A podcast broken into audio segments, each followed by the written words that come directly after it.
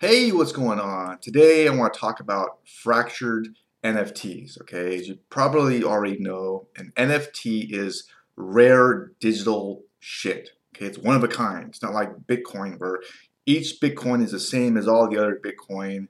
An NFT is just unique. Okay, it's like it's rare. All right. Now there is a way to break up an NFT, and how this would work is someone would put that NFT in a vault. Okay, lock away.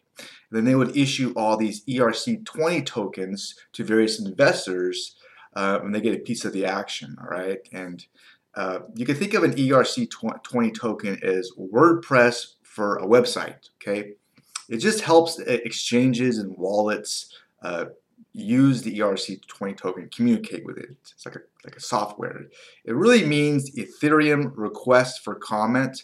I have no idea what the hell the 20 even means but that's what it is, all right? All right, so why would someone want to break up an NFT, okay, a non-fungible token? Well, there's a lot of reasons. The biggest benefit, and here's the scenario. Say there's someone like you, you're like, oh man, that Bored Ape, that's some badass shit. I want to get a piece of that action. You know, I want to want to own it. I, I want to be an investor. I really love the artist or something, and, and you want to get it. But, but here's the problem. You know, the Bored Apes, they go for $200,000. Like, I don't have that type of money. Boom. So what uh, a fractured NFT can do is it can help someone become an investor at a price that's affordable to them, okay? That way someone can get a piece of the action. So that really is the main benefit to to breaking up an NFT and selling pieces of it, okay? But there really are other benefits too if you dive deeper into it, okay? So here's another example of this. Uh, maybe an artist he you know does digital art. He wants more exposure. Okay. And he's like, man, I really want more exposure. What he could do is he could take some of his digital art, break it up into pieces, and then you know maybe market those pieces all over the internet to various you know exchanges and marketplaces, uh, almost like digital business cards. So fracturing an NFT can help an artist really get more exposure. So that really is another benefit uh, to breaking up uh, one of these digital art pieces, okay? Now, a third benefit uh, that some people may not be aware of is it can help determine the price um, of the art piece, okay? Here's an example, okay? So, say there's a digital NFT and it's broken up into 100 pieces and one piece just sold for $10. Well, now there's a floor price. Now you can that price can help determine what the other uh, hundred pieces can can go for. You know that one sold for ten dollars, right? And if you multiply it, it can give you an idea on what the entire piece can sell for. Okay, it can it help determine the price really in a nutshell, and that's another benefit to it.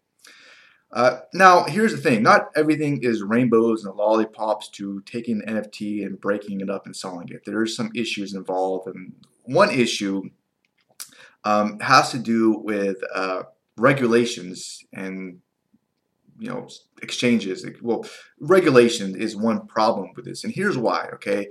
If you take a digital art piece and you stick it in a vault and you start issuing shares you, you can see how it can kind of run into some, into some issues uh, in the legal area, which I'm not claiming to be an expert at, okay, by far. That's a whole other area which crypto and all this stuff has to be kind of careful about the regulation part. Um, and here's an example of this. There's actually a company called Ripple that ran into this problem a while ago, okay? And what Ripple was doing, it was this central business, and it was um, well, issuing cryptocurrencies. And the whole SEC, which is the Security and Exchange Commission, claimed they were issuing stock to form to, to fund their business, which you can kind of see how they both were kind of like you can see how it's coming out, right? Because they're issuing these cryptocurrency tokens and for nothing and they're earning money off of it and then using that money to, to fund their business, okay? Now, something like Bitcoin is different because here's the thing there's no central business or organization in Bitcoin. It's deregulated. Uh, and it's, so it's not really, they're not really creating stock or anything, you know. Um, it's more like, uh, I think it's, it's used as land or something. That's the, the, the legal term of, I think, um, of that. So you can see how it kind of run, run into some issues when you start you know, issuing shares of a, of a digital art piece. And that's another area that can get tricky at, okay? All right, so if you want to learn a lot more about NFTs as well as uh, breaking them up and where to go, where do you would you even go to buy a, a, fractured NFT?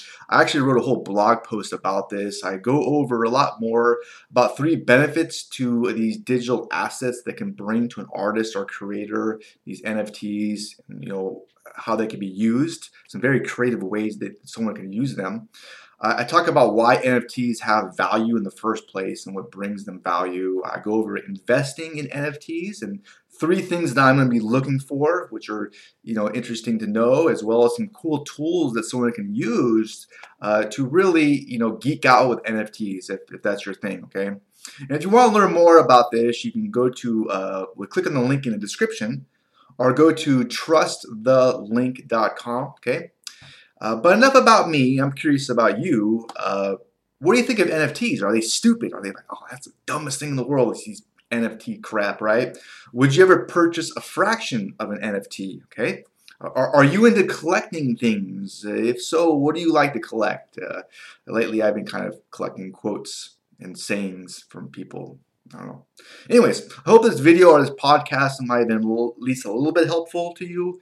Uh, so if so, you know, you know about all the whole, you know, likes and subscribe crap, okay? Anyways, have a great rest of your day. All right, bye for now.